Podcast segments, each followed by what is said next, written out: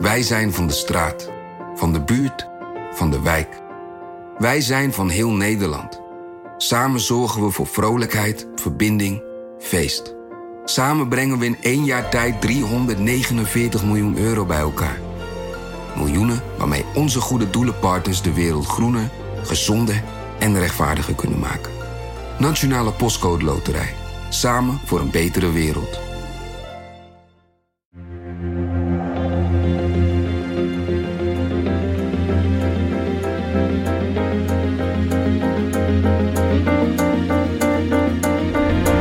Haagse Zaken van NRC. Mijn naam is Lemia Aharwai.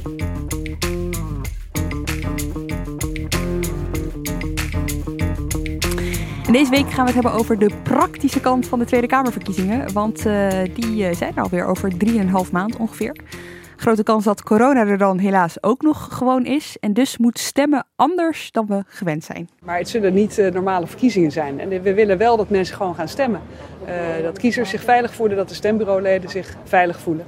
Ja, dat betekent dat we ook een beetje naar onorthodoxe maatregelen moeten kijken. Zij Kajsa Ollongren, de minister van Binnenlandse Zaken. Zij dacht de afgelopen tijd na over hoe die verkiezingen dan moeten verlopen. In deze Haagse Zaken hoor je wat dat denkproces heeft opgeleverd. We gaan het ook hebben over de maanden in aanloop naar de verkiezingen. Want door corona kunnen politieke partijen ook niet de campagne voeren die ze zouden willen voeren. Je weet wel, met echte mensen praten, Jan Modaal aanspreken op straat, flyeren, de hele rambam. Bij mij in de studio twee heren die er wat over kunnen vertellen. Rick en Rick.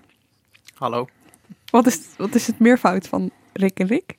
Uh, dat weet ik niet. Ik weet wel dat ik heel vaak gebeld word vanaf, de, vanaf onze Amsterdamse redactie. En dan zegt iemand: Hey Rick, jij gaat dat uh, stuk schrijven over. En dan komt er iets heel moeilijks met heel veel data. en dan ergens halverwege dringt meestal door dat ze Rick Wassens bedoelen. Nou, die ik, veel meer van dat soort dingen weet. Ik kan je vertellen dat het omgekeerd ook zo gaat. Want dan bellen ze mij op een vraag of ik in Curaçao ben geweest. Tot zover het leed van Rick en Rick. Van de Rick. Uh, om ze even uit elkaar te halen. We hebben Rick W. en uh, Rick R. Uh, Rick Wassens. Jij bent datajournalist voor NRC. En je bent al een keer te horen geweest. Haagse Zaken was telefonisch, ging over de ja, app hè? Ja, precies.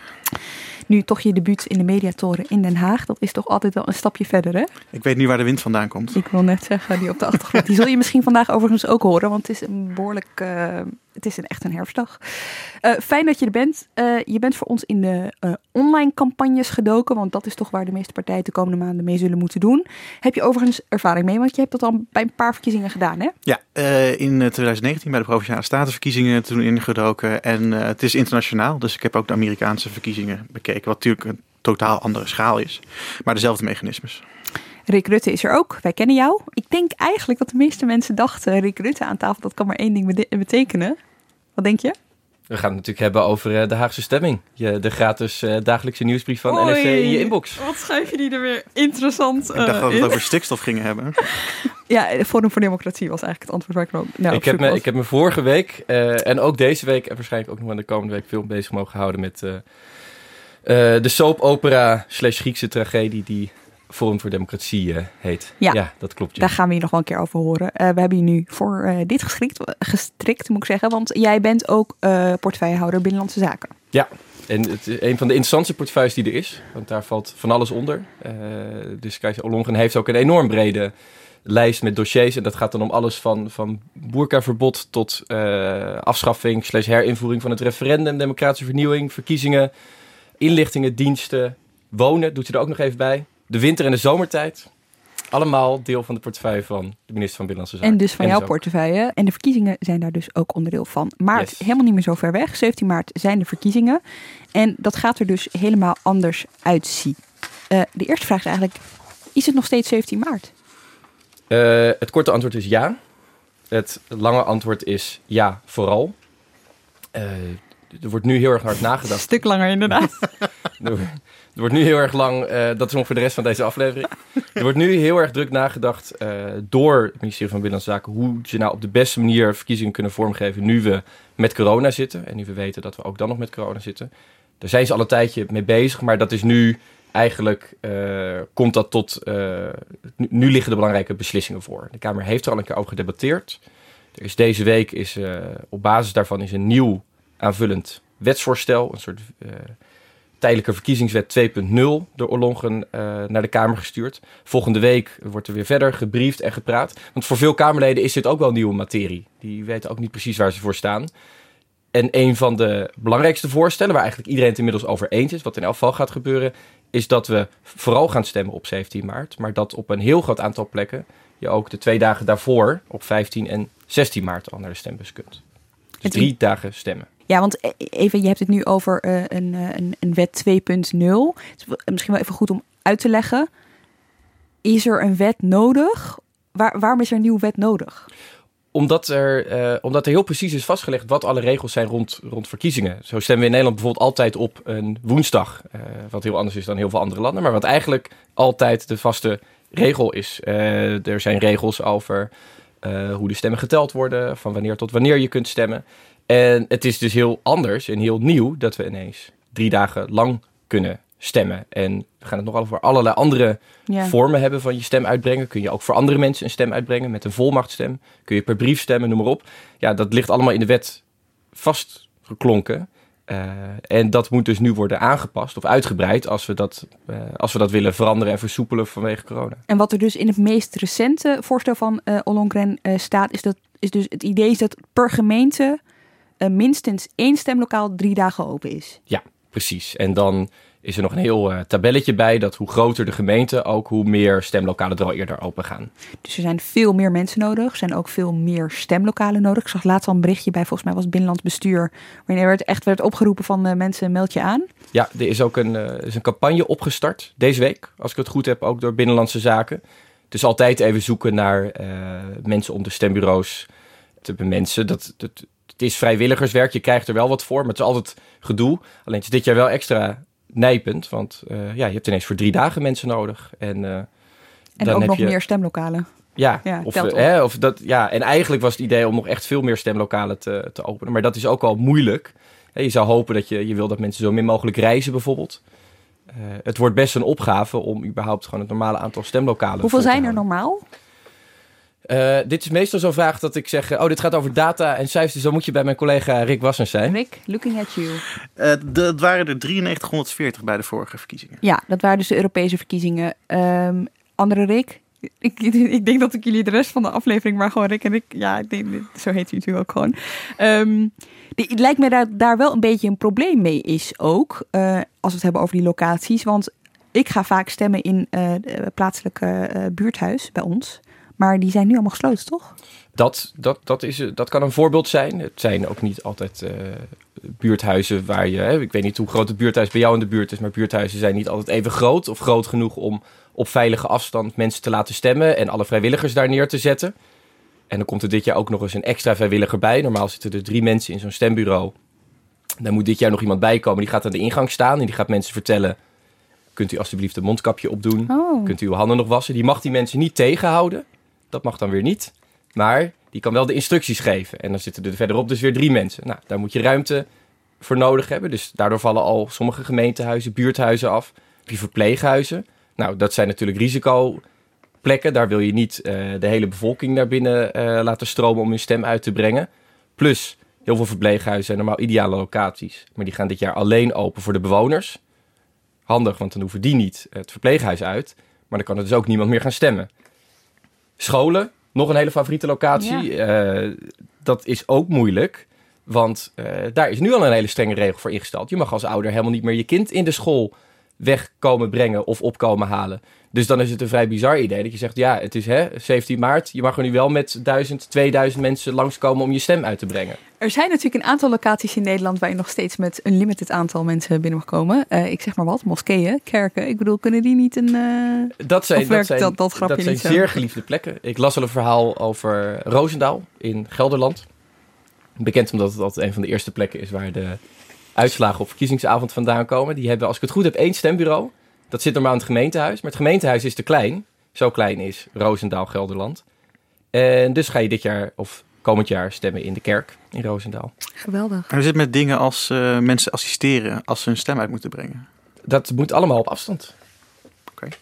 Dus dat wordt een hele uitdaging. En wat ook nog interessant wordt, is dat omdat mensen dus niet geweigerd kunnen worden. Dit was dus echt een van die ja, bijna uh, staatsrechtelijke debatten ja. die, die je afgelopen week in de, in de Kamer kon volgen.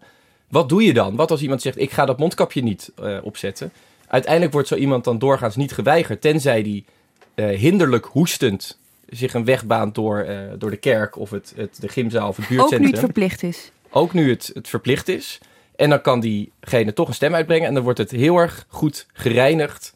Uh, voordat de volgende persoon een stem kan uitbrengen. Ik zit me even, te, even voor de geest te halen als je stemt. Tenminste, bij mij is het zo. Ik wil totaal niet iedereen over één kam scheren. Maar um, meestal zitten er redelijk mensen op leeftijd achter die bureautjes. Want die hebben de, meestal de tijd ook hè, om, om, om vrijwilliger te zijn. Ja, ik, ik moet zeggen, ik heb het zelf ook ooit gedaan trouwens. Ik heb wel stemmen geteld, maar dat, dan kom je als loser na afloop pas binnen. Het is, echt, dus, uh... het is echt, ja, stemmen geteld heb ik gedaan, maar het is heel leuk. Ik zat ooit in uh, een Hindoestaans partycentrum in de Schilderswijk.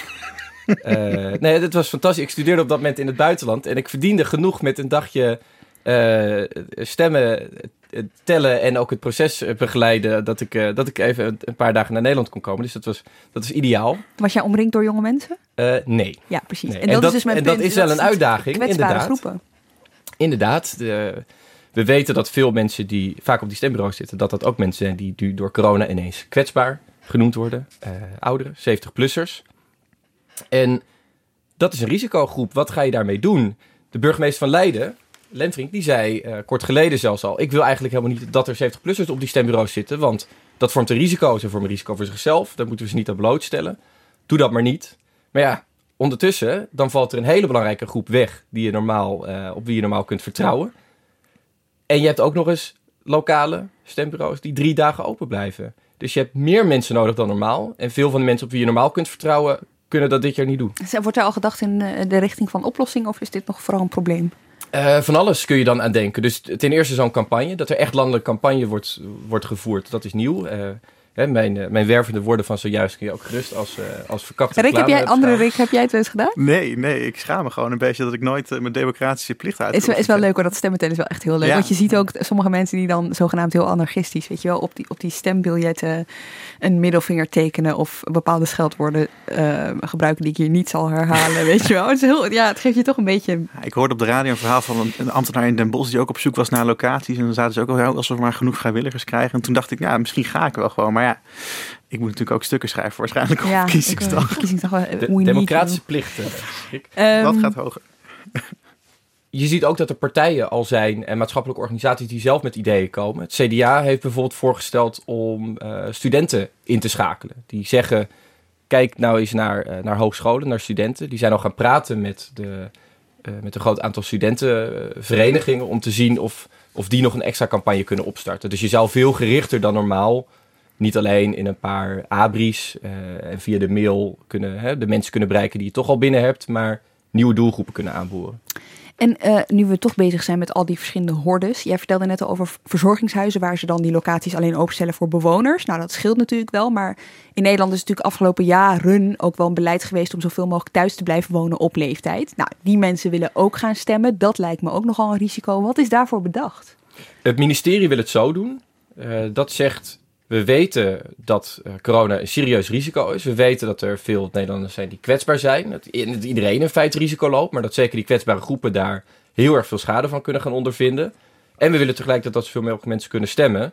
Dus we laten uh, een deel van de bevolking per brief stemmen. Vervolgens moet je dan bepalen wie mogen dat doen. Ja. Dat is nogal moeilijk, want uh, ja, wie er kwetsbaar is, dat houden we sowieso al niet bij.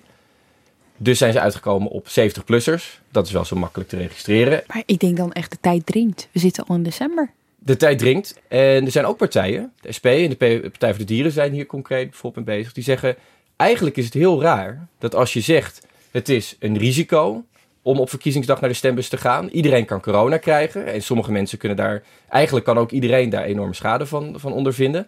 Waarom laat je dan niet iedereen per brief stemmen als ze dat willen? He, we zeggen ook bij de horeca, dat is voor iedereen een risico. Misschien nog wel meer voor kwetsbare groepen dan voor anderen. Maar die gooien we voor iedereen dicht. Dat zeggen ze hier niet. En die partijen maken daar, wat mij betreft, vrij terecht een punt van. Dat je misschien eigenlijk nog veel meer mensen, alle stemgerechtigden Nederlanders, ja. die mogelijkheid zou moeten Maar het lijkt me zo, het is al een logistieke operatie, weet je wel. En het lijkt me dat je het nog groter en ingewikkelder maakt als je drie maanden voor de verkiezingen nog nadenkt over of zoiets moet gebeuren of niet. Het is een hele grote operatie logistiek. En er wordt ook wel in de wandelgangen gefluisterd eh, dat het misschien ook wel onuitvoerbaar is. Dat Ja. dat een van de redenen is dat het er niet van gaat komen. Want je kan het op allerlei manieren invullen. Je kan het via PostNL laten lopen, onze monopolist. Je kan ook kijken of je speciale kliko's kunt neerzetten waar mensen hun stem in kunnen uitbrengen. Maar het is hoe dan ook een flinke operatie waarvan dus gezegd wordt, het ministerie vraagt zich af of dit wel voor iedereen kan. Vandaar dat ze voor zo'n beperkte groep hebben gekozen. En er komt nog bij dat het een frauderisico in zich heeft. Een risico waar sommige partijen over beginnen, beginnen maar waarvan zelfs de minister eigenlijk in haar brieven en haar eh, eh, wetsvoorstellen wel laat doorschemeren van ja, dit is een afweging. We maken een afweging tussen hoe beperken we dat risico, maar hoe kunnen we tegelijkertijd toch zoveel mogelijk mensen wel naar de stembus laten gaan. En dat helpt dan in dit geval over naar een deel van de bevolking per brief laten stemmen, maar niet iedereen. Vanuit het buitenland wordt er al gestemd via briefstemmen, toch? Dat, dat is er, dat, dat wordt genoemd. Je hebt, het gaat ook vaak over eh volmachtstemmen. Dat is ook wel een manier van stemmen waarbij het stemgeheim niet helemaal in acht wordt genomen in zekere zin. Want hè, je moet maar hopen dat eh, degene aan wie jij je stem toevertrouwt, dat die hem dan ook zo uitbrengt. Nou, in dit geval, als jij aan de keukentafel je stem invult, dan kunnen mensen ook makkelijk over jouw schouder meekijken of zien wat jij stemt. Ja, dat stemhokje is eigenlijk best wel, als je er gewoon zo over nadenkt, hè, dat is het stemhokje is eigenlijk best wel een goed idee geweest. Moeten we enorm dankbaar voor zijn. Dankbaar Nee, maar voor daar komen heel veel dingen samen waar je best wel makkelijk over nadenkt. En we doen het al jaren zo. Maar het is best wel.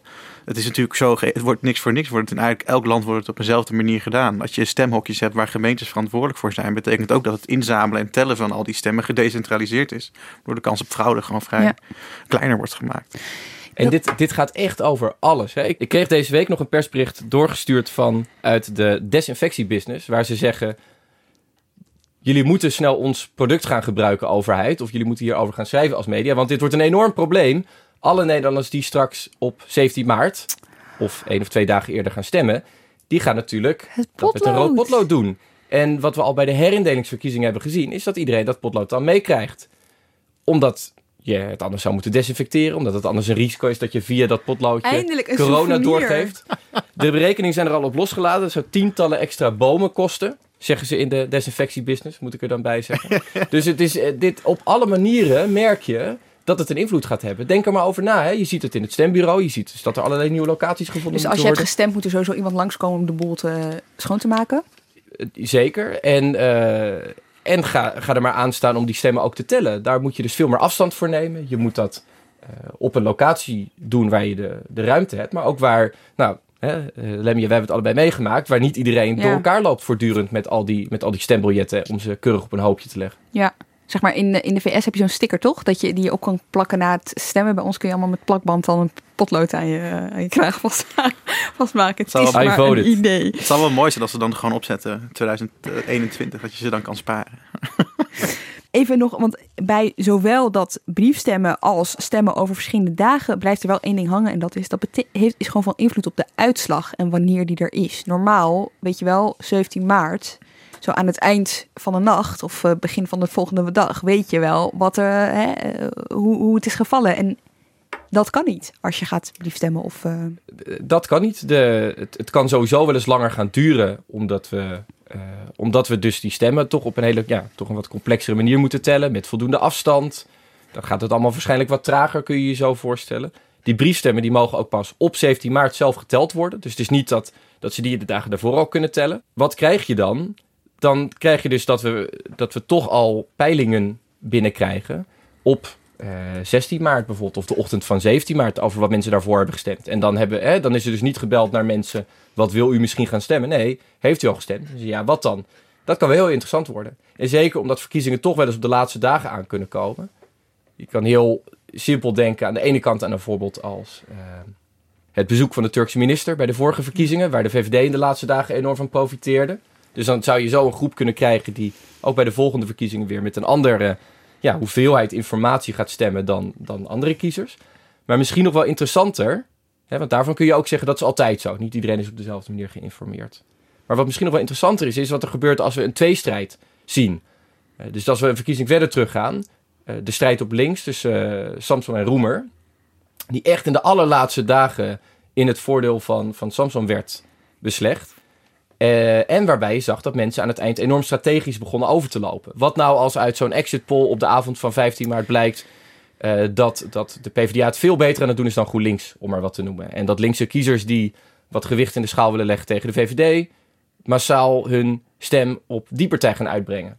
Ja, er kan ook natuurlijk wel iets op bedacht worden dat pijlen, dat, dat, dat pijlen verboden wordt in die laatste dagen. Ja, maar dat is toch al bedoel, soort dat is natuurlijk gentleman's dat is een, agreement? eh, Er is toch al een soort van gentleman's agreement in de media dat er geen peilingen meer gepubliceerd worden, toch? Ja, weet je, dus je kan, je kan ook als medium wel natuurlijk een paar vragen gaan stellen aan een aantal stemmers, maar dat is totaal niet representatief. Weet je wel, dus het echte onderzoek dat je dat laat. Nou, maar dit is toch moeilijk. Hè? We zien in Nederland is sowieso altijd een beetje eh apart ermee. Bij de Europese verkiezingen, als ik me niet vergis, vorig jaar heeft geen stijl.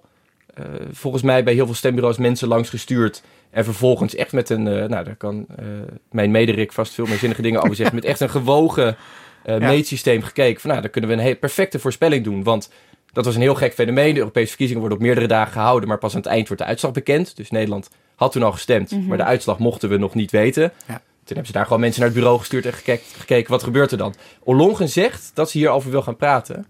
Dat ze dus hoopt op een soort gentleman's Ja, agreement. Maar dit is natuurlijk, het is wel weer een fundamentele vraag. En wat gebeurt er als iemand op eigen houtje zich daar toch niet aan houdt? We gaan allemaal die peilingen lezen, want we willen het allemaal weten. Over dat andere stemmen, hè, want we hebben een soort van eh, proef eh, gehad eh, tussendoor. Want er zijn herindelingsverkiezingen geweest in Noord-Brabant, Groningen. Ehm, wat zag je daar anders dan normaal? Kon weet je, kan je daar al, zag je daar al aanwijzingen in? Eh, dat, dat ging goed, was vooral de belangrijkste conclusie. Dat waren, het was beperkt. Het waren ongeveer 150.000 Nederlanders die daar hebben kunnen stemmen. Dus vijf gemeenten. eh, waar vanwege een herindeling en samenvoeging nu al gestemd kon worden. Er werd wat geëxperimenteerd. Dus je kon in Vught met een drive-in stemmen. Eh, nou, iedereen kreeg dus het stempotloodje mee. Dat soort fratsen. Maar het is moeilijk om echte conclusies te trekken. De opkomst was namelijk veel lager dan gewoon. Maar dat, dat is eigenlijk altijd het geval met herindelingsverkiezingen. Omdat ze tussen alle andere verkiezingen en tussen alle andere campagnes invallen. Dus Ja. hè, de opkomst was laag, maar dat lijkt niet door corona te komen. Dat zou wel opgevend zijn, want we hebben het net gehad over die 70-plussers die vaak op stembureaus zitten. Zij zijn ook zo'n beetje de meest trouwe groep kiezers. Dus als die groep wegblijft bij de stembus, dan zou dat ook heel veel in de eh, opkomst kunnen schelen. Voordat we zover zijn, voordat wij die uitslagen binnen zien rollen, ehm, moet er eerst nog eh, campagne gevoerd worden. En dat gebeurt de komende maanden. Normaal in december hebben al die partijen natuurlijk meteen hun strijdplannen al klaar liggen voor de komende maanden. Ehm, Iris, onze eh, producent, heeft een rondgang gemaakt langs een aantal van die partijen. En eh, wat zij vooral hoort, bijvoorbeeld bij partijen als GroenLinks, nou, die hebben vo- volledig online ingezet. Dus die hebben al voor zichzelf besloten, onze campagne die gaat online Daar gaan we onze energie in steken. Andere partijen, zoals bijvoorbeeld het CDA, daar mm, heerst eh, ook nog wel een beetje de hoop dat er straks wel wat kan. Want je wilt toch wel de, ook de mooie plaatjes van de lijsttrekkers met de normale mensen op straat. Ehm, bij de VVD zijn ze ook eh, nog een beetje, een beetje tussen. Maar daar is nog wel wat interessants gebeurd. Want daar dachten ze, we gaan die herindelingsverkiezingen ook gebruiken om al een beetje uit te testen wat we kunnen doen. Ehm, en wat ze daar bijvoorbeeld deden was flyers met QR-codes door de brievenbussen eh, gooien. En dan eh, als je dat scande met je telefoon, dan kwam je terecht bij een online vragenuurtje. Creativiteit wordt hier zeker aangezet eh, door corona. En ook zij gaan er meer vanuit dat het online is. Dus partijen zijn nog wel een beetje aan het zoeken. Maar bij alles wat over online gaat, Rick Wassens, denk Yes. ik aan jou. Jij bent datajournalist, dus voor jou moet dit toch wel heel interessant zijn. Dat alles zich nu verplaatst naar iets waar jij een soort van mee kan kijken. Ja. ja, en dat kan ook steeds meer en meer. Met eh, grote sociale media platformen kan je gewoon kijken wat zij... eh, het gaat dan vooral om advertenties. Hè? Eh, wat waar adverteren ze mee? Hoeveel? op welke mensen? Ja, dat kan je allemaal eigenlijk zien op Facebook en Instagram. En op Twitter, ja... De, Twitter bijvoorbeeld niet. Hè? Dat is helemaal aan banden gelegd. Er was een hele rel over politieke beïnvloeding. Dus Twitter kan überhaupt al niet meer. En via Google... Wat bedoel je als je zegt kan niet meer? Daar kan je niet meer adverteren Niet meer politiek partij. adverteren. Nee, nee, daar hebben ze gewoon. Er was dus een hele. Het komt allemaal voort uit. Ook die transparantie komt allemaal voort uit. eh, de Amerikaanse verkiezingen van 2016. Een enorm gedoe over Russische beïnvloeding. En toen hebben al die social media platformen hebben gezegd van hé, hey, hier moeten we iets mee. En om wetgeving maar te voorkomen, zijn ze maar heel transparant geworden. In het geval van Facebook en Instagram dan. Dus die hebben archieven aangelegd waarin je als burger en als journalist gewoon kan grasduinen in alle advertenties die die mensen plaatsen. En dat doen Facebook en Instagram dus. En Twitter en Google hebben gezegd, eh nou Twitter zegt we stoppen er helemaal mee. Mhm. En Google zegt nou je kan niet meer zo heel specifiek die boodschappen targeten op mensen. Dus uh, ieder platform heeft zeg maar een eigen uh, idee gehad om daarmee om te gaan. Maar, maar van, van Google klinkt nog een beetje vaag. Ja, dus Oh, niet om gelijk maar heel technisch te worden, maar je, je kan, uh, waarin verschilt een, een, digitale advertentie van een normale advertentie, dat jij voor een groot deel als adverteerder kan zeggen, ik wil deze mensen bereiken. En daar zijn heel veel zorgen over. Het gaat dan over dingen als microtargeting. Kan ik een heel specifieke groep bereiken met een heel specifieke politieke boodschap? En daarvan heeft Google gezegd, dat vinden wij te spannend. Dus wij, maken, wij beperken de mogelijkheden om een hele kleine doelgroep te bereiken. Dus je kan een politieke boodschap, in tegenstelling tot alle commerciële boodschappen, kan je dan alleen richten op geslacht, op leeftijd en of grofweg waar je woont. Hele algemene. Hele algemene criteria. Ja. Ja. En die, nu, de, die campagne die verplaatst zich, nou dat is op zich al een trend die je vorig jaar al zag. En vorige verkiezingen ook al, denk ik. Maar hè, gegeven COVID en gegeven, die feit, uh, gegeven het feit dat, die, dat je dus niet uh, de straat op kan, is denk ik, ja, is, zul je zien dat die uh, digitale campagne veel, veel groter gaat worden. Hoe, ja, je kan dat zien. Je, ja. kan, je kan eigenlijk best wel precies zien wat de uitgaven zijn van politieke partijen ja. en wat die advertenties zijn. Kun je, kun je even uitleggen hoe, hoe zoiets werkt? Hoe onderzoek jij dat? Nou ja, dus zoals ik zei, Facebook heeft een uh, advertentiearchief. En daarin kan je gewoon als leek kan je daar doorheen bladeren. Je Hoe heet dat? Uh, ad Archive, Facebook Ad Archive. En dan kan je gewoon uh, Nederland aanvinken of de Verenigde Staten. Hè. Dus ik heb ook voor Amerika hier artikelen over geschreven, maar de techniek is hetzelfde. En dat tik je gewoon in, Forum voor Democratie. En dan, dan kan je gewoon zoeken wat zij wat zij geadverteerd hebben. Hoe dat eruit ziet. ja, van hoeveel, hoeveel geld ze daar ongeveer in gestoken hebben. Hoeveel mensen ze ongeveer bereiken, hoe oud die mensen ongeveer zijn. Het zijn niet hele specifieke gegevens, want dan kom je ook een beetje, hè, Facebook wil natuurlijk een beetje die, de boot afhouden en niet alles, alles prijsgeven, maar er zit toch wel wat goede, goede data in. Even voordat we in die data gaan duiken, toch nog wel even de nuance, want het is niet zo dat Facebook vanuit een eigen intrinsieke gedachte dacht, nou weet je wat jongens, we moeten een stuk transparanter worden. Hè? Nee, Zegt nee, cynische nee, Lemja nee, toch nog ja. maar eventjes, hier is natuurlijk heel veel discussie aan vooraf is- gegaan. En, en ja. desinformatie, het heeft een rol gespeeld in de eh, campagne in de VS in 2000. Precies, eh, wat, eh, het 16. 16, Ja. ja. Ja, met roebels betaalde advertenties. En eh, ja, daar moesten ze iets mee. Die druk werd zo groot dat ze een advertentiearchief hebben uitgerold voor de Verenigde Staten. En toen eigenlijk zeiden, ja, waarom doen we dat niet voor alle andere landen? En dat is toen voor het eerst een beetje gebruikt rond die Europese verkiezingen in 2019. Ja. Zullen we eens- jij, hebt je, je hebt je laptop bij je, je hebt Facebook aanstaan, je hebt nog wel Facebook. Ehm andere Rick, heb jij eigenlijk nog Facebook? Ik, ik heb nog eh, Facebook, maar dat is alleen te danken aan eigenlijk een paar hele eh, vreemde Facebookgroepen waar ik verder... Oké, hier hoeven we verder even niks over te horen, denk Ik wil hier juist alles van weten. Ja, maar ik- nee, ik ben, ik ben bijvoorbeeld groot... fan- Er is een fantastische Facebookpagina van mensen die vinden dat eh Paradontax zijn oude smaak moet terugkrijgen. Daar vermaak ik me echt kostelijk om. Daar kan ik, daar kan ik uren in grasduinen. Eh, ja, daar heb ik het nog voor. Maar het is verder... eh, ik hang er niet heel veel meer rond om te socializen. Oké, jij hebt hem inmiddels openstaan, Rick Wassens. Even kijken, scrollen, scrollen, scrollen zie ik. Zit daar een politieke advertentie toevallig tussen? Nou ja, als ik bijvoorbeeld naar mijn eigen tijdlijn ga, hè, en dat moeten mensen ook maar zelf gewoon doen. Ik, zit ook, ik moet ook zeggen, ik zit ook niet zoveel meer op Facebook. Hè, eh, maar ik word nog, als ik er doorheen scroll, ik word, ben blijkbaar wel gewoon doe het voor deze eh, voor politieke partijen. Want ik zie hier bijvoorbeeld een advertentie van de VVD en je kan daar allemaal informatie over opvragen. Wat zie je? Nou, het is een foto van eh, onze grote vriend, eh scheidend voorzitter Klaas Dijkhoff. eh, die mij oproept om ook VVD'er te worden. En eh, een van die dingen die ik dan, eh, die ik dan kan aanvinken is dan hè, gesponsord, betaald door, door VVD. En dan legt Facebook maar uit dat het een politieke partij is. Hè, en dat dit echt een politieke boodschap is. En dat dit dus van een gevestigde politieke partij is. En niet dat het iets vreemds is of En zo. dat er voor betaald is. En dat ervoor betaald is, inderdaad.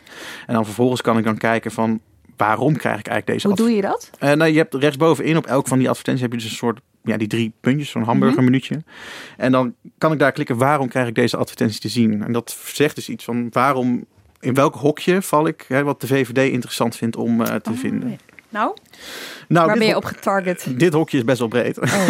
Want het gaat gewoon om eh, mannen, of sorry, ik moet zeggen mensen tussen de 18 en 60 die in Nederland wonen. Ja, nou, ik val dus in die categorie, maar jij ook. Hagelschieten. Hagelschieten. En dat zijn dus ook dat, dat zijn veel van de dingen die je, die je ziet. Hè? Oké, dus dit zie jij op Facebook. Als je dan even naar die website gaat waar je het net over had, weet je wel, van Facebook en Instagram uh, advertenties, en je zoekt daar op de VVD, dan kun je dus zien hoe duur dit grapje was voor ja, de VVD. Dus ik kan vanuit die advertentie, dus die ik gezien heb, kan ik gelijk doorklikken naar die advertentiebibliotheek en dan krijg ik dus al die getallen te zien hierover. En deze advertentie heeft gekost even kijken. Die, ja, dus die loopt al vanaf 20 november. Hè? Dus, dus je hebt ook, het is, niet, het is niet iets wat je in de krant zet of zo. Hè? Het is gewoon, je kan ervoor kiezen om het gewoon weken te laten lopen of maanden. En gewoon net zo lang tot je geld op is. Hè? Je betaalt gewoon voor oogballen. Uh, dus deze loopt al sinds 20 november, zie ik dan. Het kost de VVD minder dan 100 euro. Dus je ziet, je ziet, hoe goedkoop het is. En je ziet ook waarom partijen dit super interessant vinden. 100 euro en ja, wat krijg je daarvoor terug? Ja, dit zijn dus de vaagheden erin. Hè? Dus, die, dus de Facebook wil wel hè, welwillend zijn, maar ze gaan ook niet alles vertellen. Dus wat je dus hier ziet is dat het, uh, dat het aantal weergaven, dus dat het door je tijdlijn heen scrolt, zoals ik het net had, zeg maar. Dus ligt tussen de 3 en de 4000. En dat kost dan minder dan 100 euro. Ja. Is, dat, is dat goedkoop? Uh, ik, uh, even kijken. Dus, nee, ik vind het dus 3 tot 4000 voor minder dan 100 euro is best wel, best wel duur. En wat zegt dat dus? Dat het eigenlijk om een soort. Misschien dat het wel om een kleinere groep gaat van, van mensen die, uh, die deze advertenties. Dat zij op meer hebben getarget dan wat jij net zag op Facebook. Ja, ja precies. En best wel ik, vaag dat Facebook dat, dat niet communiceert. als je dan kijkt, dan hè, waar, waar, wie zien, deze, wie zien die, die advertentie nou? En dat zijn dan voor de, grootste groep is dan mannen van uh, 22% van, van die, die 3 tot 4000 views is zijn dan mannen van 54, 54, tussen de 45 en 54 jaar. En je weet ook nog welke provincies ze wonen. Kijk, dat is natuurlijk interessant als je in Amerika woont en dan heb je die swing states en ja. zo. Maar provincies maken natuurlijk eigenlijk niet zo heel veel uit in Nederland. Hè. Dat in swing state Brabant. Ik swing state Brabant, ja. Het is natuurlijk moeilijk om dit om te zetten. Uh, bedenk ik me nog als we het hebben over hoeveel stemmen krijg je hier nou voor terug. Maar uh, waar Forum voor Democratie, een partij die ontzettend veel geld uh, hierin heeft gestoken. En ook eigenlijk door alle andere partijen steeds bewonderd is omdat ze er heel goed in waren. Die linkte altijd door, net zoals Dijkhoff volgens mij bij dit berichtje, naar de lidmaatschapspagina. Dus het gaat niet, hè, het verzoek aan het eind is niet, ga over een jaar stemmen op ons, maar uh, word nu lid. Ja. En behalve dat het leuk is dat je dan kunt zeggen dat je heel veel leden erbij hebt gekregen, of misschien wel de grootste ledenpartij bent van Nederland, verdien je ook heel veel geld daaraan. En als van die 3.000, 4.000 mensen die jij met een advertentie van minder dan 100 euro bereikt. Als er één of twee lid van worden, Ja. Ja. dan heb je in een jaar heb je dus 100 of 200 euro alweer verdiend. En dat kan heel erg oplopen. Ah, maar dit is ook hoe ze het doen. Hè. Het is allemaal op. Wat, wat, het, is, het is gewoon social media marketing en het heet dan conversie. Dus wat is het doel van deze advertentie? Is niet om, ja, het is natuurlijk ook om stemmen te winnen, hè, om uh, zorgen dat ze op me gaan stemmen. Maar je wil ook die mailinglijst laten groeien. En uh, een conversie is dan als mensen zich inschrijven daarvoor. En dan zeg je tegen Facebook, hé, hey, dat vind ik fijn en uh, doe maar meer hiervan. En zo, al die partijen zijn bezig om gewoon adressenbestanden aan te leggen. Ik heb nog één nieuwsgierige, een nieuwsgierige vraag over de VVD voordat we naar FVD gaan. Mhm. Mm -hmm. Als jij even kijkt naar hun overzichtspagina van advertenties, lopende advertenties. Adverteren zij dan um, meer met Mark Rutte? Even kijken, ik uh, pak hem er even bij. Actieve. VVD heeft trouwens de afgelopen week bijna 6000 euro uitgegeven hieraan. Om je maar een beeld te geven van. Week? Ja, tussen uh, 25 november en 1 december. 6000 euro. Zo. Ja. Allemaal zijn... aan, aan Klaas, da Klaas Dijkhoff-foto's? Nee, ze hebben er, uh, even kijken. Ja, ze hebben er best wel wat lopen. Nou, ja, zeker, zeker meer dan 10 actieve advertenties. Op Instagram en Facebook? Ja, precies. Want dat is van hetzelfde, uh, hetzelfde moederbedrijf. En ze hebben, ze zien, zo, zo te zien doen zij op Facebook en Instagram ook aparte dingen. Je oh. kan ervoor kiezen om gewoon al hetzelfde. Dezelfde, hetzelfde te doen. Maar zij adverteren vooral met, uh, ja, VVD heeft altijd van die memes. Dus wat ik nu zie is, ja, je moet het maar even zien. Uh, deze ken je vast wel als je, als je wat op internet zit, toch? Dit plaatje. En, uh, het is zo moeilijk uh, uit te leggen. Ja, op, uh, het is helemaal. Ja, als je dit niet kent, dan, dan denk je ook echt: wat is dit? Rutte, kun jij memes uitleggen? Duid... Ja, we, we, kijken hier naar de classic meme van die, die, die gozer die met vriendin door de stad loopt, ja. maar ondertussen over zijn schouder alweer naar een een veel, veel leukere, parmantiger Al onze millennial luisteraars Kijk, weten niet waar je het over hebt. Ja, ja, dit, ja dus het zijn, ze doen memes, hè, maar ze doen ook, uh, wat zie ik hier, Bente Becker bijvoorbeeld, die een uh, speech houdt. En die wordt dan ook in de Tweede Kamer, daar, wordt, daar knippen ze dan een filmpje van. En maar, dat, maar belangrijker, Rick, waar, waar kijkt, de, waar kijkt de, de jongen met de jaloers vriendin naar? De jongen met de, loer, de jaloerse vriendin, die uitleggen. kijkt naar kernenergie van eigen bodem. Dus de grap is dus dat... eh, ja, ik ga, ja, het is ook niet uit te leggen. Ik kan ja, Oké, je moet hem zien. Dit, laten we even gaan. Maar het is wel heel interessant dat zij dus ook met memes eh twitteren. En voor mij zit er wel natuurlijk een aanwijzing in. Voor ons eigenlijk. Weet je wel, wie gebruiken zij in die advertenties? Bente Becker vinden zij dus belangrijk genoeg om mee te adverteren. En dan gaan we even naar FVD.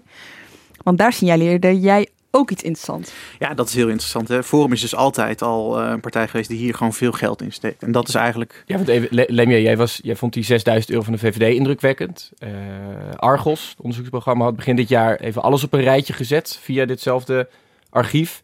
Weet je hoeveel Forum in een jaar tijd op dat moment had uitgegeven? Nou, 242.000 euro.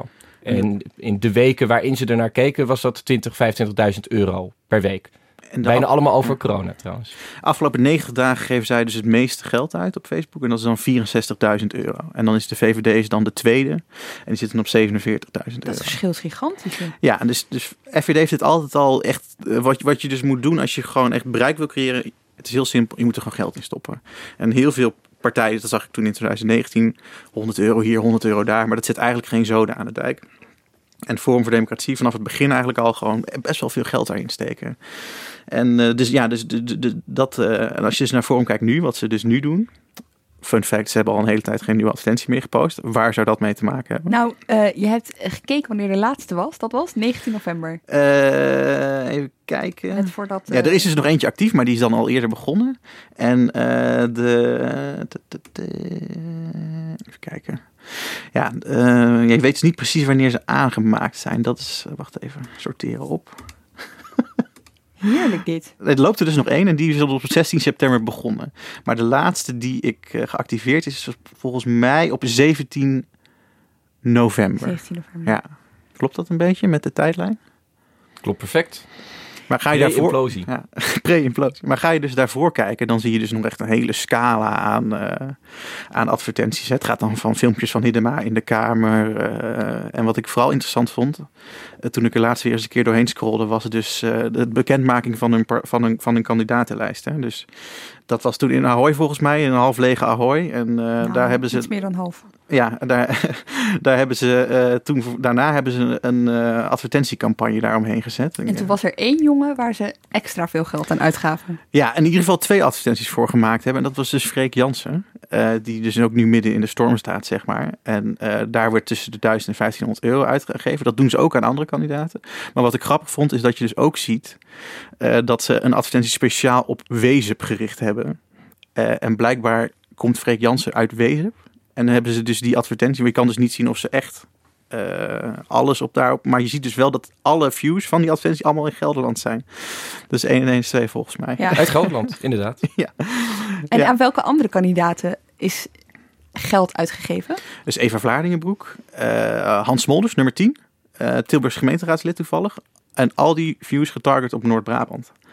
Weet je wel, dus eh, eh, even kijken of ik het... eh, Maar niet op allemaal. Dat, vond ik, dat vind ik Nee. ook heel erg interessant. Bijvoorbeeld eh, Jan Kees Vogelaar, geen geld uit, aan uitgegeven. Alleen Joost Eertmans nog. Joost Eertmans nog, Eva Vlaardingenbroek en eh Wiebre van Haga. Het zegt toch ook, het is bijna de, de meest eerlijke manier waarop je kunt zien wat partijen echt belangrijk vinden of waar ze echt stemmen mee denken te kunnen winnen. Je, ik vind corona het meest interessante voorbeeld hiervan. Toen je in maart, rond maart, keek naar precies deze cijfers, zag je dat Forum dus echt gigantisch veel uitgaf vergeleken met andere partijen. Dat was in de, de dagen, ze liggen ver achter ons, dat, eh dat Thierry Baudet nog pleitte voor een volledige lockdown. Dat werd massaal door hen, eh, daar werd enorm veel mee geadverteerd. Daar hebben ze heel veel geld aan uitgegeven. Vervolgens hebben ze nog maandenlang gehoord over corona met een hele andere koers. eh, waarvan, hè, waar heel veel vragen over zijn gerezen. Waarvan heel veel mensen zeggen, dit is veel te sceptisch. Het is totaal tegenovergestelde van wat jullie hiervoor zeiden. Wat heel interessant is om te zien, is dat ze daar zelf ook wel enig bewustzijn duidelijk van hebben. Want ze adverteren daar dus veel minder mee. Je ziet niet meer die gigantische bedragen die ze daar in maart tegenaan gooiden. Dus ze hebben toen even gedacht, hier hebben we goud in handen. Wij zijn de enige partij die nu voor een lockdown is. Vervolgens is hun koers veranderd, is het debat gekeerd. En hoor je ze er op social media bijna niet meer over. Ja, het is precies wat je zegt, ze, ze moeten hier echt geld voor uitgeven. Ja.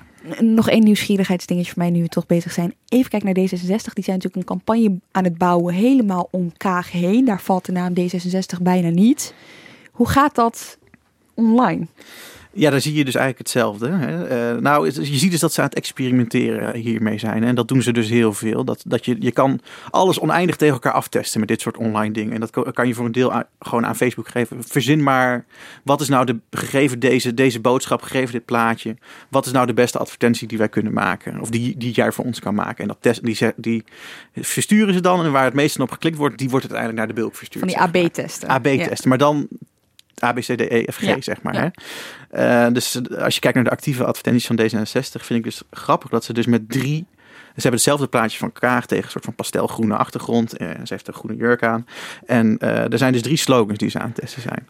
Word lid van D66. Sluit je aan bij D66. En de laatste, sluit je aan bij Sigrid Kaag. En als jij nou over een maandje nog een keer gaat kijken, dan kun je dus kijken welke nog actief is. En dan heb je dus eigenlijk. Ja, nou ja, je, je ziet dus dat ze. En ze hebben bij elke van die drie slogans hebben ze weer drie andere varianten van bedacht. En dan zijn ze dus, denk ik, dit kan je dus, dit zijn dus de tekortkomingen daarvan. Maar ik, de, de enige reden kan zijn dat ze met verschillende doelgroepen aan het kijken zijn. En welke boodschap werkt nou waar of zo, weet je wel. Dus allemaal een beetje, ze willen ook heel veel leren hierover. En dat is natuurlijk perfect, want je krijgt gelijk feedback van, van de mensen die je advertentie kijken. Klikken super ze wel, leerzaam voor ons gewoon. Weet je wel? Met wie adverteren ze? Met welke slogan adverteren ze? En wat is de call to action? Uh, zeg ik maar even met mijn aanhalingstekens in de lucht. Weet je wel, wat, wat is dat? Wordt lid van D66?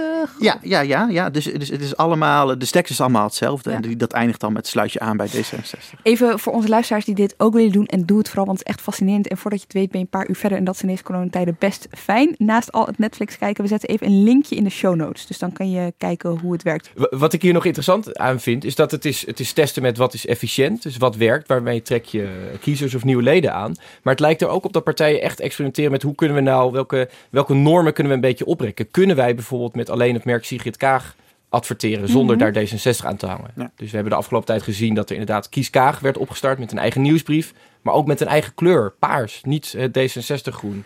Een website waarop de term of het woord D66 niet genoemd wordt.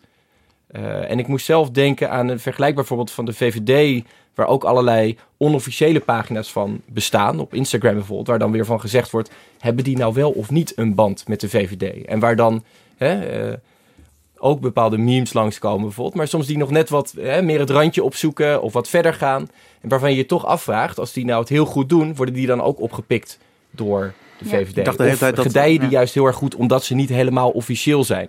Ik dacht dus de hele tijd dat er zo'n guerrilla, zeg maar, achtige account op TikTok was van de VVD. Maar daar staat nou, en het linkje staat een linkje naar het, partijprogramma oh, van de VVD. VVD-account. Dus het moet, ja, nou ja. Of ik heb, ik heb TikTok genomen, serieus. Ik, ik heb me aangemeld bij TikTok om die filmpjes te kunnen kijken. En het is redelijk cringe-worthy. Maar misschien komt het ook omdat ik zelf niet helemaal in de TikTok-doelgroep val. Nee, maar dit, TikTok is toch waar de VVD vooral heel veel adverteert met uh, het verder vrij anonieme Kamerlid Albert van den Bos. Ja, ze zijn nu overgestapt naar Martijn, uh, hoe heet hij ook alweer? Wursdurfer. Wursdurfer. Wursdurfer. Oké. Ik zie al dat jij er veel meer weet van dan ik. maar, maar, dit is heel interessant. Je, hebt, eh, je, je, kiest een, je kiest een held. Je kiest een Kamerlid dat het goed doet op TikTok. Je kiest iemand uh, die het heel goed doet op, uh, op Facebook. Of weer voor een bepaalde doelgroep die je daarmee dan gaat targeten. En we moeten niet doen alsof dit helemaal nieuw is. Je kunt ook uh, ervoor kiezen om op een bepaald radiostation te adverteren. Je kunt ervoor kiezen om op bushokjes in bepaalde wijken of bepaalde stations te adverteren. Dus hè, laten we niet doen alsof het internet dit helemaal totaal anders doet. Maar de mogelijkheden zijn ineens wel helemaal eindeloos geworden. Nou, dat ben ik niet helemaal met je eens. Want je, dit, dit kan je alleen puur geografisch doen, wat jij zegt. je kan natuurlijk wel in, in goede wijken gaan uh, adverteren als VVD. Met de kans, ja, de, kans, de voorafkans dat mensen op de VVD zullen stemmen, is in goede wijken natuurlijk flink hoger. Maar hier kan je ook gaan testen op, ja, kan je ook gaan targeten op, op hobby's van mensen. Op uh, interesses van mensen. Gelijkte op pagina's. gelijkde pagina's. Waar we het nu natuurlijk over hebben, is microtargeting. En daar begon jij mee, Rick, met dat daar natuurlijk een beetje het gevaar lag. Mm ja, daar zijn ze al best wel, veel, best wel lang beducht op. Hè? Sinds deze technieken eigenlijk ook gebruikt worden voor gebruikt kunnen worden voor politieke beïnvloeding. En uh, wat de angst is, is dus dat, dat jij straks, hè, je hebt als we, als we gewoon normaal zouden adverteren met een billboard of zo, dan kunnen wij allemaal in potentie dat billboard zien. En dan kunnen we daar een gesprek over aangaan als daar dingen op staan die wij niet vinden kloppen of zo. Maar als het gemicro-target wordt op, op interesses, dan zien wij dus bijvoorbeeld, dan zien wij dus niet allemaal meer dezelfde advertenties. En mensen zijn daar dus bang voor, waaronder de staatscommissie Remkes, die hier wel vaker voorbij is gekomen. Die heeft hier in 2019 best wel een flink rapport over geschreven. Nou ja, een flink rapport met een flink hoofdstuk over microtargeting en de invloeden daarvan. Uh, die natuurlijk, ja, je, je zou mensen, hè, dat is de, de ultieme angst, een soort van halve werkelijkheid voor kunnen bereiken. Politiek is uiteindelijk keuzes maken. Je kan niet en de hypotheekrente behouden, bijvoorbeeld, en maar oneindig investeren in het onderwijs of zo. Maar microtargeting He, zou je dus wel die gedeelde werkelijkheid aan verschillende mensen kunnen laten zien, zodat niemand uh, zicht heeft op het hele plaatje. Als je begrijpt wat ik bedoel. Ja, zeker. Ja, je zegt gedeelde werkelijkheden wat partijen tegenwoordig ook doen, en we hebben het nu gehad natuurlijk over het adverteren online, is hun eigen platforms creëren om hun eigen werkelijkheid met een groter publiek te delen. Uh, we kennen inmiddels allemaal het FVD-journaal wel, maar er zijn meer partijen die zich daaraan hebben gewaagd. Welkom bij het SP-journaal. Elke week kijk ik met jou terug op de meest boeiende momenten van de week. Goedenavond, hartelijk welkom. Daar zijn we weer met Studio SGP. Vanaf nu elke vrijdagavond om half acht live. Ja, welkom bij het FVD-journaal van vrijdag 30 oktober. Leuk dat u kijkt en we gaan beginnen. FVD in betere tijden. Rick Rutte, waarom doen partijen dit? Nou, het eerste wat je meteen opvalt is dat we de drie partijen die we net uh, horen, Forum, de SP en de SGP, zijn alle drie partijen die wat meer in de, uh, de marge van het debat vaak zitten. Uh, die, zoals ze het zelf zeggen, verder van de mainstream afzitten en daar vaker tegenop moeten, moeten boksen soms is de reden dat ze hiermee begonnen zijn voor een deel corona. Dat, ik sprak bijvoorbeeld met de presentator van, het, van, van Studio SGP. En daar zeiden ze, kijk, we, we, kunnen gewoon niet meer op grote schaal veel van onze kiezers opzoeken. En dit is wel een manier waarop we dichtbij die mensen blijven. Best een revolutie trouwens. Hè? We hebben, dit is een presentator die zelf niet is opgegroeid met een televisie in huis. Maar sinds de komst van het internet en vooral sinds de komst van de, de smartphone zijn ook de SGP'ers helemaal uh, digitaal aanwezig. Nou, en ze maken... Hele, helemaal digitaal? Uh... Ze doen hun best. We beginnen deze uitzending met het politieke nieuws van deze week. Deze jaarwisseling geen vuurwerk. De belasting op de zorg zou te groot kunnen worden. André Vlag, u bent naast uh, campagneleider ook wethouder in Hendrik Ido Ambacht. Ja, wat zal dat betekenen als het verboden is om vuurwerk af te steken? Is dat uitvoerbaar, denkt u? Nou, ik denk dat het in ieder geval iets is wat... Uh, hier komt ook een stem van boven bij. die, die, zal het zijn. Ze maken hier ook reclame voor, hè? Uh, oh, SGP, op, uh, op Facebook. Het, het, gaat natuurlijk niet om... Het is duidelijk nog onontgonnen gebied. Maar voor het, het SGP-journaal met André Vlag, die, voor, voor, waar volgens mij net een fragmentje van hoorde, ja, daar hebben ze gewoon een reclametje voor gemaakt. En hoeveel geven ze aan uit? Daar geven ze aan uit minder dan 100 euro. En in totaal, schrik niet, gaven ze 1509 euro uit. Vind ik best veel voor de SGP. Aan, dit is dat vanaf 28 maart 2019, hè? Oh, dus het is, niet, het is heel weinig. Ja. Maar hè, ze zijn hier dus uh, ook hiermee bezig. En ze zijn zelf blij met, met de mensen die ze hiermee bereiken, zegt ze zelf. En wat heel interessant is, als je nou dit fragment hoort, het gaat over een heel gangbaar onderwerp, zou ik zeggen, uh, als vuurwerk. Maar uh, ze hebben het juist ook onderwerp, uiteraard, over onderwerpen die hun achterban aan het hart gaan. En waarvan zij het idee hebben dat die in een NOS-journaal toch niet op een manier bediscussieerd worden zoals zij dat zelf graag zien. Het ging, in de allereerste aflevering ging het over abortus.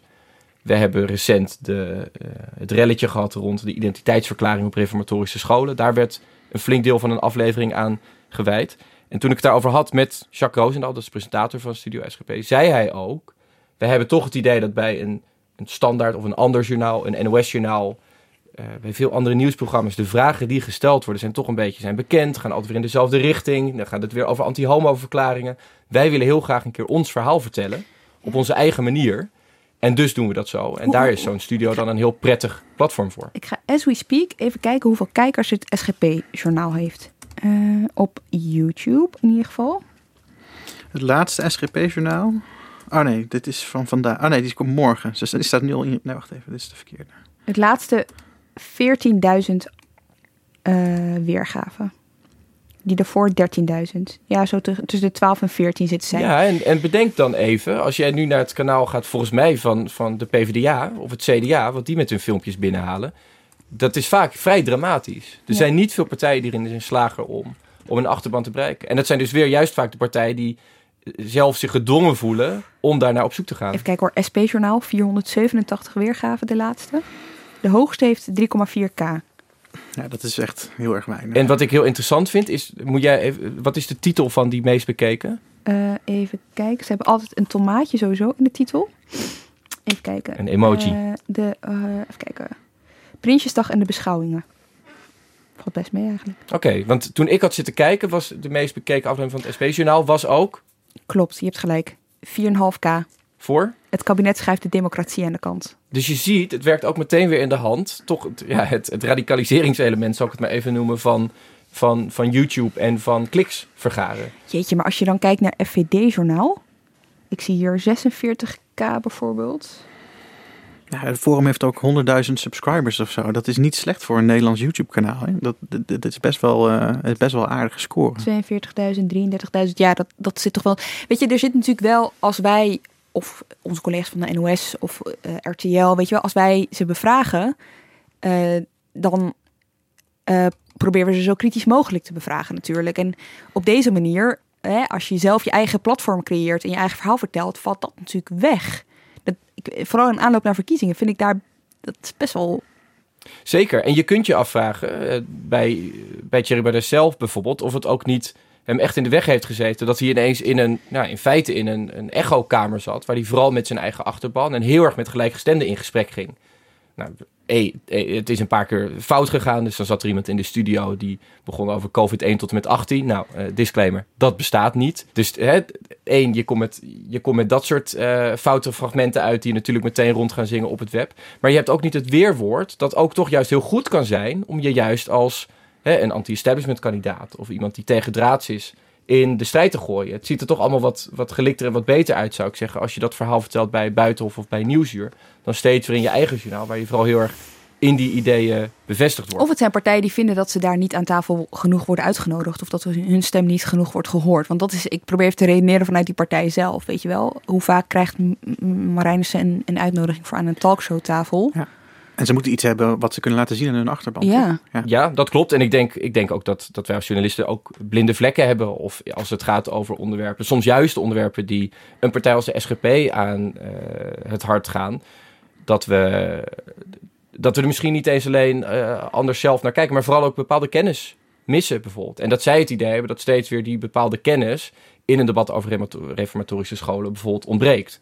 Het is één ding om het te hebben over. Ja, het is kennis, maar het is zeker ook framen. Weet je wel, ik zou het niet alleen als een soort informatie. eh, uitzending zien of zo. En, het- weet je en wel? daar, Het is en daar wordt het gewoon- natuurlijk echt interessant, denk ik. Ik denk dat je een heel interessant debat kunt voeren over blinde vlekken. Maar zeker op het moment dat je het eh, niet alleen... Hè, en partijen hebben ook altijd pamfletten en krantjes en publicaties gehad en flyers. Maar ze noemen het een journaal. En ze noemen het een journaal om directe concurrentie aan te gaan met een NOS-journaal. Om eigenlijk te zeggen, wij eh, we vinden dat geen objectieve of, of volledige berichtgeving. Dat is de, de, de- al dan niet uitgesproken boodschap daaronder. En wat is dan helemaal interessant?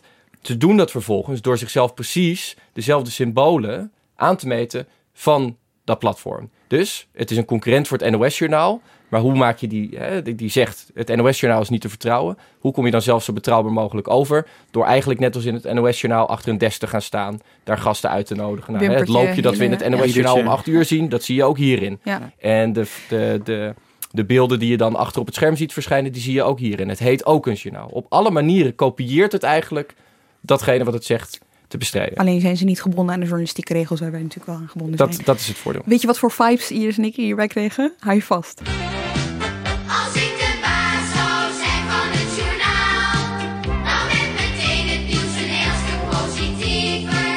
De hele wereld werd meteen een beetje liever, want ik negeerde alle narigheid totaal. Ja. Snap je? Kinderen voor kinderen is dit uiteraard. Maar dat weten al die millennials natuurlijk ook wel. Hey, er zijn de journaals. Er is nog een, eh, een eh, medium waar eh, ik natuurlijk bovengemiddeld veel eh, interesse in heb. En dat, eh, ja, eigenlijk hebben we gewoon concurrentie op eh, in de podcastwereld. Schurende krantenkoppen, een paar trending topic of het nieuws in soundbites. Steeds vaker lijkt de politiek te gaan over wie het hardste schreeuwt of het snelste reageert. Maar een echt verhaal heeft vaak meer nodig dan 140 tekens. In deze podcast gaan we de diepte in. Ik spreek mensen van binnen, maar vooral van buiten Den Haag over de stand van ons land. Wat moet, dat moet en daarom is het goed. Dat zijn mijn oma altijd. En het is ook een beetje mijn lijfspreuk geworden, ook in mijn politieke bestaan. Nu heb ik voor mezelf al wel redelijk op een rijtje wat er allemaal moet gebeuren in Nederland en waarom dat dan goed is. Maar ik ben ook heel benieuwd naar de ideeën van anderen.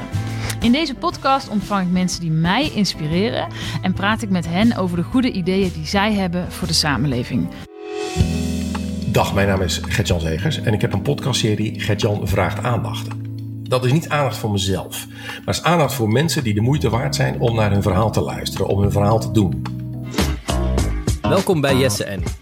Ik maak deze podcast omdat ik tijdens mijn werk in Den Haag vaak hele interessante mensen en onderwerpen tegenkom. En dat zijn onderwerpen die niet altijd de headlines halen of maar heel beperkt. En ik vind het gewoon heel interessant om met hen door te praten en jullie met hen kennis te laten maken of met de onderwerpen. Dit is eigenlijk zeg maar de late groep. Hè? Deze, deze mensen zijn allemaal eigenlijk best wel laat begonnen. Want er is er één, die was er al in 2017 mee begonnen. Welkom, Koen Weiland. Eh, we gaan een hoop bespreken, maar laten we even beginnen. Leg even uit, wat is een e-sporter? Begin daar even mee. Jongens, serieus, ik zou je toch aanraden om minimaal één zo'n aflevering te luisteren. Is dit, is dit Mark Rutte de podcast? Dit is eh, Mark Rutte de podcast inderdaad, ja. Zeker beluisterbaar. Maar goed, wat zegt dit nou? Waarom doen ze dit allemaal? Want het kost best wel veel, veel tijd, hè? Het kost energie. Waarom doen ze dit, Rick? Ja, het, het eerste wat ik erbij moet zeggen, ik heb het gehad met eh, iemand uit de GroenLinks-campagne over deze podcast. Het interessante is namelijk ook dat die niet gemaakt wordt door GroenLinks, maar echt door een eh, professioneel podcastbedrijf. En eh, dat riep bij mij ook wel de vraag van zitten jullie ook in die hoek van een FVD-journaal, een SP-journaal? Nou, die suggestie alleen al, die viel heel slecht. En je ziet dat bij wel meer partijen die ook hierover nadenken, maar niet een heel eigen journaal hebben opgezet, dat ze zich daar heel erg van distancieren. Dat ze zeggen, we vinden het NOS-journaal fantastisch, maar we willen ook graag ons eigen verhaal vertellen. Eh, dus niet zozeer zoals een journaal dat doet, maar meer zoals een omroep dat ook doet. zoals we vroeger flyers hadden. Zo zeggen ze het dan. Wat delen ze wel? Dat is dat uiteindelijk een heel groot deel van de groep die ze willen bereiken, dat is niet zozeer de kiezer die misschien nog helemaal van de andere kant van het politieke spectrum moet worden overgehaald, maar vooral ook ja, een band opbouwen met de partij, met de partijleider. Jesse Klaver leren kennen als iemand die niet alleen GroenLinks leidt, maar die ook eh, boeiende gesprekken kan voeren over iets dat helemaal niet met de verkiezingen te maken heeft.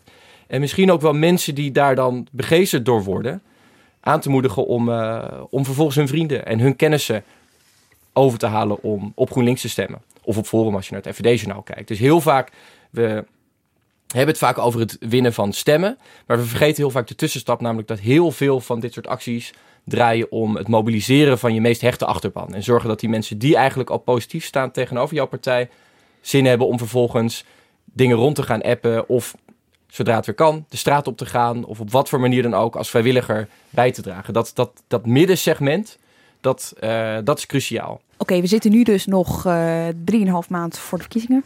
Ik wil eigenlijk wel van jullie weten, waar gaan jullie op letten de komende tijd? Ik, jij met je advertenties, met je advertenties, eh Rick Wassens. Met je advertenties. Waar ga je op letten?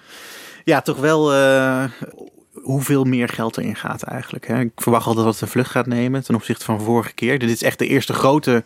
We konden, in die verkiezingen hiervoor konden we ook niet goed kijken in die archieven, want dat bestond allemaal nog niet. Dus dit is echt de eerste grote landelijke grote verkiezing waarin we echt kunnen gaan kijken hoe ze dit nou gebruiken en, en, en wat ze daarmee willen en zo. Dus het gaat dan, wat Rick zei, hè, het is de hele eerlijke kijk in wat, wat politieke partijen nou belangrijk genoeg vinden om geld aan uit te geven. Dus daar ga ik naar kijken. Ik, eh, ik haal ze allemaal. Er zit ook een, ja, er zit ook, ik wil niet heel nerdig worden, maar er zit een heel, er zit een heel systeem achter met allemaal gegevens. Dat kun je Mag allemaal hier? binnenhalen en je kan het allemaal verzamelen en wegschrijven naar databases en zo.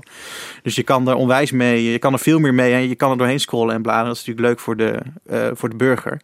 Maar er zit nog een hele wereld aan gegevens onder en zo. En je kan die allemaal verzamelen, binnenhalen en dan verhalen over schrijven. En eigenlijk wil je de hele campagne straks gaan samenvatten aan de hand van wat je hier, eh, wat je hier ziet. En er zitten best wel veel interessante dingen in eigenlijk, die ook gewoon van dag tot dag heel interessant zijn. Hè? Freek Jansen, waar, die, waar geld in gestopt wordt, andere mensen weer niet. Dus ik ga er echt zo, eh, zo naar kijken. En Ik heb ook nog een botje gemaakt, maar die is nu stuk. Dus dat is jammer. Maar dan die tweet ooit wanneer er een nieuwe advertentie was.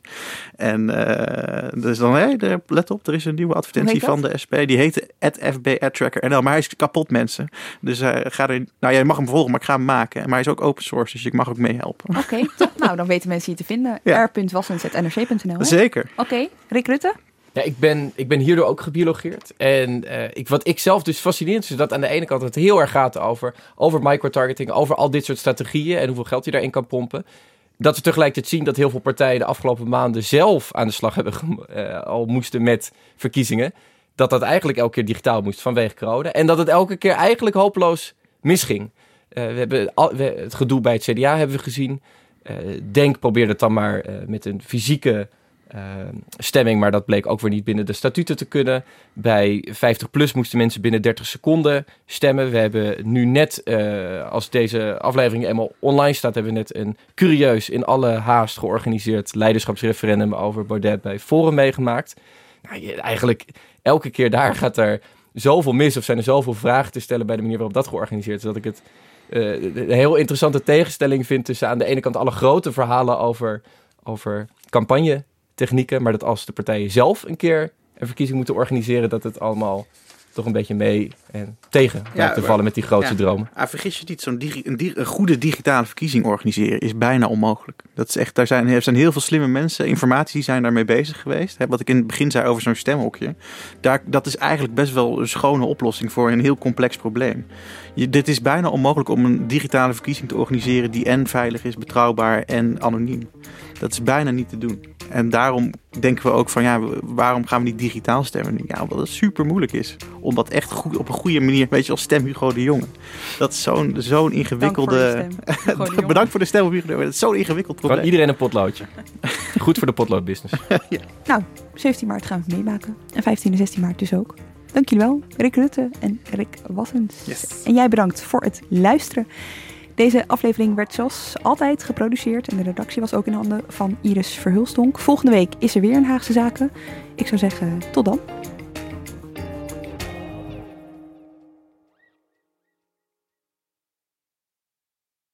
Aardbewoners. Artis nodigt jullie allemaal uit voor het Aardbewonersfestival. Van 15 tot en met 23 juni. Een inspirerend festival over het doorgeven van onze aarde aan de volgende generatie. Vol lezingen, workshops, muziek en nog veel meer. Dus aardbewoners, koop je tickets via artis.nl.